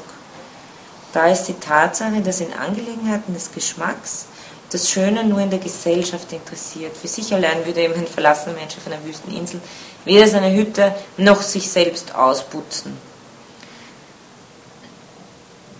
Wenn es nicht schon gelernt hätte, auch in Gesellschaft. Also wenn ich sozusagen in der, ich, ich nehme die Gesellschaft dann in mir auch immer mit. Äh, sondern nur in Gesellschaft kommt es ihm ein, nicht bloß Mensch, sondern auch nach seiner Art ein feiner Mensch zu sein. Denn als einen solchen beurteilt man denjenigen, den ein Objekt nicht befriedigt, wenn er das Wohlgefallen an demselben nicht in Gemeinschaft mit anderen fühlen kann. Oder wir schämen uns, wenn unser Geschmack mit dem anderer nicht übereinstimmt, während wir uns verachten, wenn wir beim Spiel mogeln, aber nur schämen, wenn das entdeckt wird. Also da, da sieht man wieder genau äh, den Unterschied äh, zwischen moralisch ja, und, und äh, ästhetisch, schrägstrich gesellschaftlich. Und na klar, das hat extrem stark mit Gesellschaft zu tun. Da kann man vielleicht auch ganz gut sehen. Es hat äh, auch mit Normen zu tun. Aber ähm, als, als Aufklärer muss er natürlich auch der Meinung sein, dass sich eine aufgeklärte Gesellschaft im Geschmack ihre eigenen Normen erarbeiten kann. Und ähm, was auch, glaube ich, im Hintergrund ist, das erwähnt die Arendt ähm, in den Stellen, glaube ich, kurz mal, ist äh, die griechische Idee äh, bei Aristoteles, die zweitbeste Lebensform, der Bios Politikos, ähm, mit dem sich Ruhm erwerben und wenn man sich Ruhm erwirbt, dann braucht man natürlich Zuschauer, die beurteilen, wie die Tat war. Weil ohne die anderen kann ich mir sehr schwer Ruhm erwerben. Und äh, genau auch in dieser Sphäre spielt sich das Ganze ab. Also das ganze öffentliche Leben, wenn wir jetzt sagen, okay, war das jetzt, äh, war das jetzt wirklich so eine bewundernswürdige Tat? Meine, ist ja ein Leben, das, das, in dem wir ständig äh, drinnen stecken, äh, wo ständig Ereignisse beurteilt werden und Personen und, und äh, etwas für wertvoll oder äh, unwertvoll gehalten wird. Und das scheint mir, also die, die scharfe Grenze, die Kant hier zieht, hat natürlich Vorteile, weil dadurch wird das Moralische nicht ästhetisiert, weil das ist die Gefahr, die man, auf die wir uns, in die wir uns begeben, wenn wir das übertreiben. Ja. Aber auf der anderen Seite äh, ist es auch wieder wahr, dass sich die Grenze oft so scharf nicht ziehen lässt. Was wir für bewundernswürdig halten aus ästhetischen Gründen, was wir aus moralischen Gründen gut finden das ist oft nicht so, also das, obwohl das Gute nicht unbedingt das Schöne sein muss, ja, aber, aber ähm, es ist oft so, dass, dass das auch äh, verschwimmt oder dass da nicht so klar zu sagen ist, jetzt habe ich nach einem Prinzip geurteilt und da urteile ich nur äh, ästhetisch, sprich da, da lasse ich mich vom Besonderen beeinflussen. Weil ich habe hab ja diese ganzen Stellen gebracht, weil, weil sie ja immer wieder die Frage aufdrängt, okay, was tun wir jetzt, wenn wir, wenn wir moralisch urteilen, noch bevor wir handeln? Oder was, wie, wie kommen wir zu unserem moralischen Urteil, das uns dann zum Handeln bewegt? Und da ist eben so eine Art Gebrauchsanweisung, die halt wesentlich differiert von der aus der Grundlegung oder von der aus der praktischen. Hat sie nicht auch irgendwo so eine Stelle, wo ich finde, die sicherlich nicht wo sie davon spricht, von dieser Stimme des Gewissens und das irgendwie so parallelisiert. Und da wird das natürlich was ganz anderes. Ich meine, Na. Sie einfach sagt, da ist etwas, das, das Urteilen halt ist. Aber vielleicht wird das mhm. ganz wechseln. Das ist eher, mir kommt vor, das kommt eher in ihren Überlegungen, wo sie sich dann wirklich ganz am Ende Gedanken macht darüber, über, über, über Moral und wo sie eigentlich, wo sie dann sagt, das ist dieses im Einklang mit sich selbst sein und das ist wahrscheinlich wirklich ein bisschen problematisch. Aber ähm, da, da, da, da kommt sie eben auf, auf das Gewissen, auf Sokrates zurückgeben, dieser Daimon, der, der Nein sagt. Aber ich, ich glaube, mit dem Urteilen meint sie wirklich was anderes. Mit dem Urteilen meint sie echt, ähm,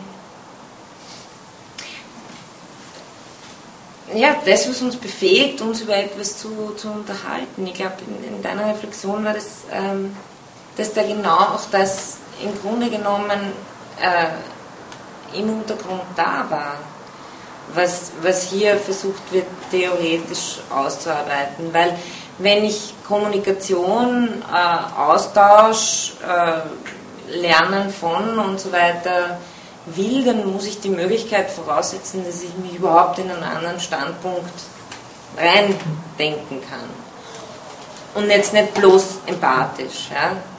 Also das, und, und das, das, glaube ich, wird da versucht, irgendwie theoretisch auszuarbeiten. Und das Erstaunliche ist wirklich, ähm, da redet man eben nicht über objektive äh, Fragen oder ja, wie, wie, wie wir da am besten zum, zum, zum Objekt kommen, sondern äh, wirklich um, um Perspektivenfragen.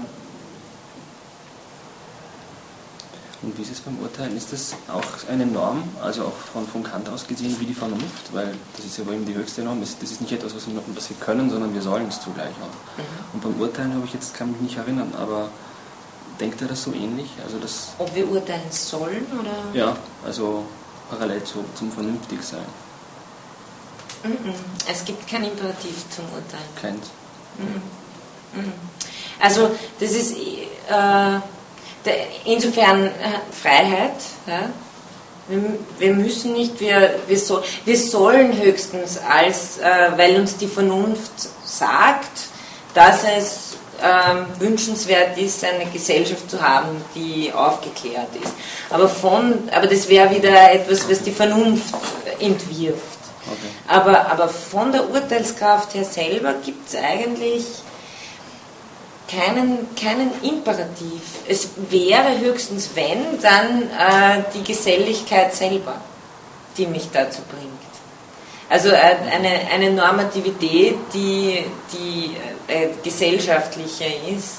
Dass ich, wenn, wenn er sagt, wir, wir, vielleicht passt es da irgendwie dazu, wir schämen uns, wenn wir nicht denselben Geschmack haben, dass wir dann mal nachdenken. Und, aber die Urteilskraft, das Prinzip selber trägt keinerlei Normativität in sich. Das involviert kein, kein, kein Soll. Aber ich, ich habe mir immer gedacht, wenn, wenn wir uns jetzt äh, vorstellen, wie der Mundus intelligibilis ist, dann finde ich, wir nichts anderes als dieses ästhetische Urteilen. Weil da sagen wir, und die, die Arendt, der Arendt, ihr großes äh, Schlagwort ist ja auch immer die Sorge um die Welt. Also nicht Sorge um die Seele, wie bei Platon, oder auch im Christentum. Also ich sorge mich darum, dass, dass, dass meine Seele äh, dementsprechend präpariert ist, damit sie dann auch in den Himmel gehen darf sondern nein, Sorge um die Welt, Sorge um den Zwischenraum, an dem wir alle sozusagen als Bewusstseine oder Daseine, sozusagen an, an, an dessen, jeder von uns ist an einem Rand der Welt, wenn man so will. Ja. Äh, und die, diese, diese äh, jetzt habe ich den Faden verloren, was wollte ich sagen um die Welt? Ähm, Ah ja,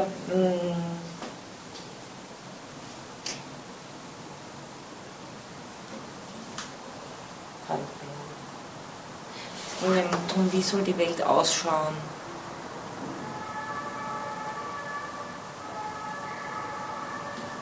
Vergessen, fahren, weg.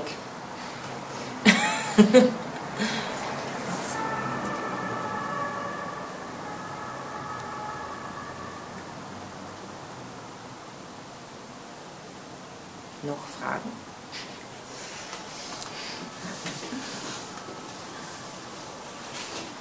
Ja? Ich gerne fragen, ähm, weil, weil Sie eben schreibt, dass es ähm, also beim, beim Urteilen diese, diese niemals passive, also dass es eben so ein niemals passives äh, Tun ist. Oder äh, mhm. passive Vernunft, ja. Äh, das, fand ich eben auch spannend, also eben im, im Hinblick auf, auf dann wieder Rekör und auf, auf die Achtung, die ja das passive Gefühl überhaupt mhm. ist. Aber das ah, dann ja. zu urteilen, diese Achtung wenn nie vorkommt bei dem Urteil. Nein, weil äh, wenn ich sozusagen, also die Arendt unterscheidet ja ganz strikt zwischen, ich trete in Beziehung mit jemand, in der Freundschaft, in der Liebe, wie auch immer, wo es mir um den ganzen Menschen geht. Und äh, da, bin ich aber, da bin ich sozusagen äh, involviert. Und auch wenn es mir, wenn es mir sozusagen so um die, wenn ich mich mit jeder Person äh, da wirklich auseinandersetze, dann und, und die sozusagen in ihrer Einzigartigkeit zu mir sprechen lasse, dann bin ich mit ihr in einem ganz anderen Verhältnis, das mir wahrscheinlich nicht mehr ermöglicht, die Gesamtsituation zu beurteilen aus, diesem, aus der Zuschauerperspektive. Und deswegen gilt sich diesen Standpunkt zu erarbeiten, aber wohl zu unterscheiden, dass es nicht der einzige Standpunkt ist, mit dem man auf Menschen zugehen kann. Also ich glaube, ähm, das ist nämlich schon ein interessanter Konfliktpunkt, weil vor lauter Achtung könnte man sehr oft keine Urteile fällen. Also da, bei jedem, bei jedem ähm, Buch, wo ich sage, das ist schlecht, müsste ich, wenn ich, wenn ich den Autor achten will, ja, naja, ähm, und tatsächlich, wenn man mit jemand nah involviert ist, tut man sich ja sehr schwer, das dann auch äh, zu sagen. Und man versucht, man versucht auch äh, das anders zu gewichten. Ja? Man sagt, okay, vielleicht man, man, man wirft mehr Verständnisarbeit rein, um das mehr zu äh, finden, als bei jemand, den man jetzt nicht in seiner Persönlichkeit beurteilt. Und ich glaube, wichtig ist ja auch, es werden ja keine Persönlichkeiten beurteilt. Also das ist ja nicht, das ist ja nicht der Sinn der Sache. Nach Arendt kann man Persönlichkeiten weder beurteilen noch überhaupt irgendwie in Worte fassen, weil die entgleiten einem sowieso immer. Mit denen kann man nur reden, also im Vollzug handeln oder reden. Aber man kann sie sozusagen, sie gerinnen nie für ein Urteil. Aber was man beurteilen kann, ist, was gehandelt, was sozusagen erschienen ist, was in der Welt, was da ist. So wie Kant sagt, das Kunstwerk, das da ist. Insofern bleibt vielleicht für Arendt schon, also da bleibt der, der, Mensch selber schon auch der Zweck an sich, weil es nicht das ist, äh, was beurteilt wird. Weil so kann man auf einen Menschen gar nicht äh, schauen, würde sie meinen, in guter alter phänomenologischer Tradition, weil sich das einfach entzieht. Und dass man wirklich die Standpunkte einnehmen und niemals versuchen, empathisch zu sein. Also dass mhm. er sozusagen also wirklich nur ganz also so neutral wie möglich irgendwie. Genau.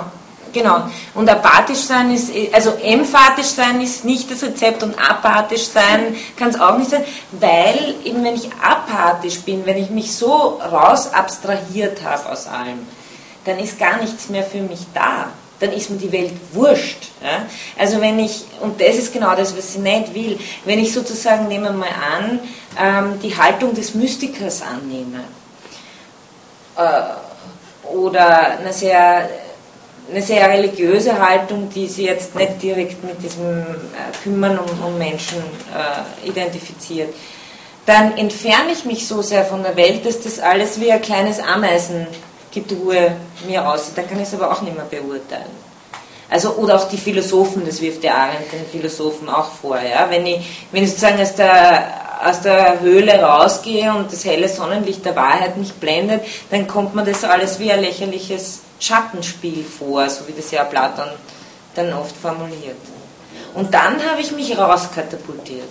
Dann kann ich aber auch, dann, dann bin ich sowieso, dann bin ich sowieso, dann bin ich am Standpunkt der Objektivität oder was auch immer, der Geschichte oder so, aber nimmer, nimmer dem der vielen Menschen. Und kann man dann Levinas und Arendt zusammenbringen? Ist es dann so mit Levinas, ist es dann so, wäre es dann, weil es ja doch irgendwo Verwandtschaft ich glaube schon. Also äh, dieser Martin Braun hat das ja auch recht gut gemacht. Das ist dieser Hannah Arendt transzendentaler Tätigkeitsbegriff. Ich glaube schon, dass sich da sehr viel rausholen lässt, aber dass es auch definitiv Punkte gibt, äh, wo man sie dann, wo sie dann also getrennt werden sollten.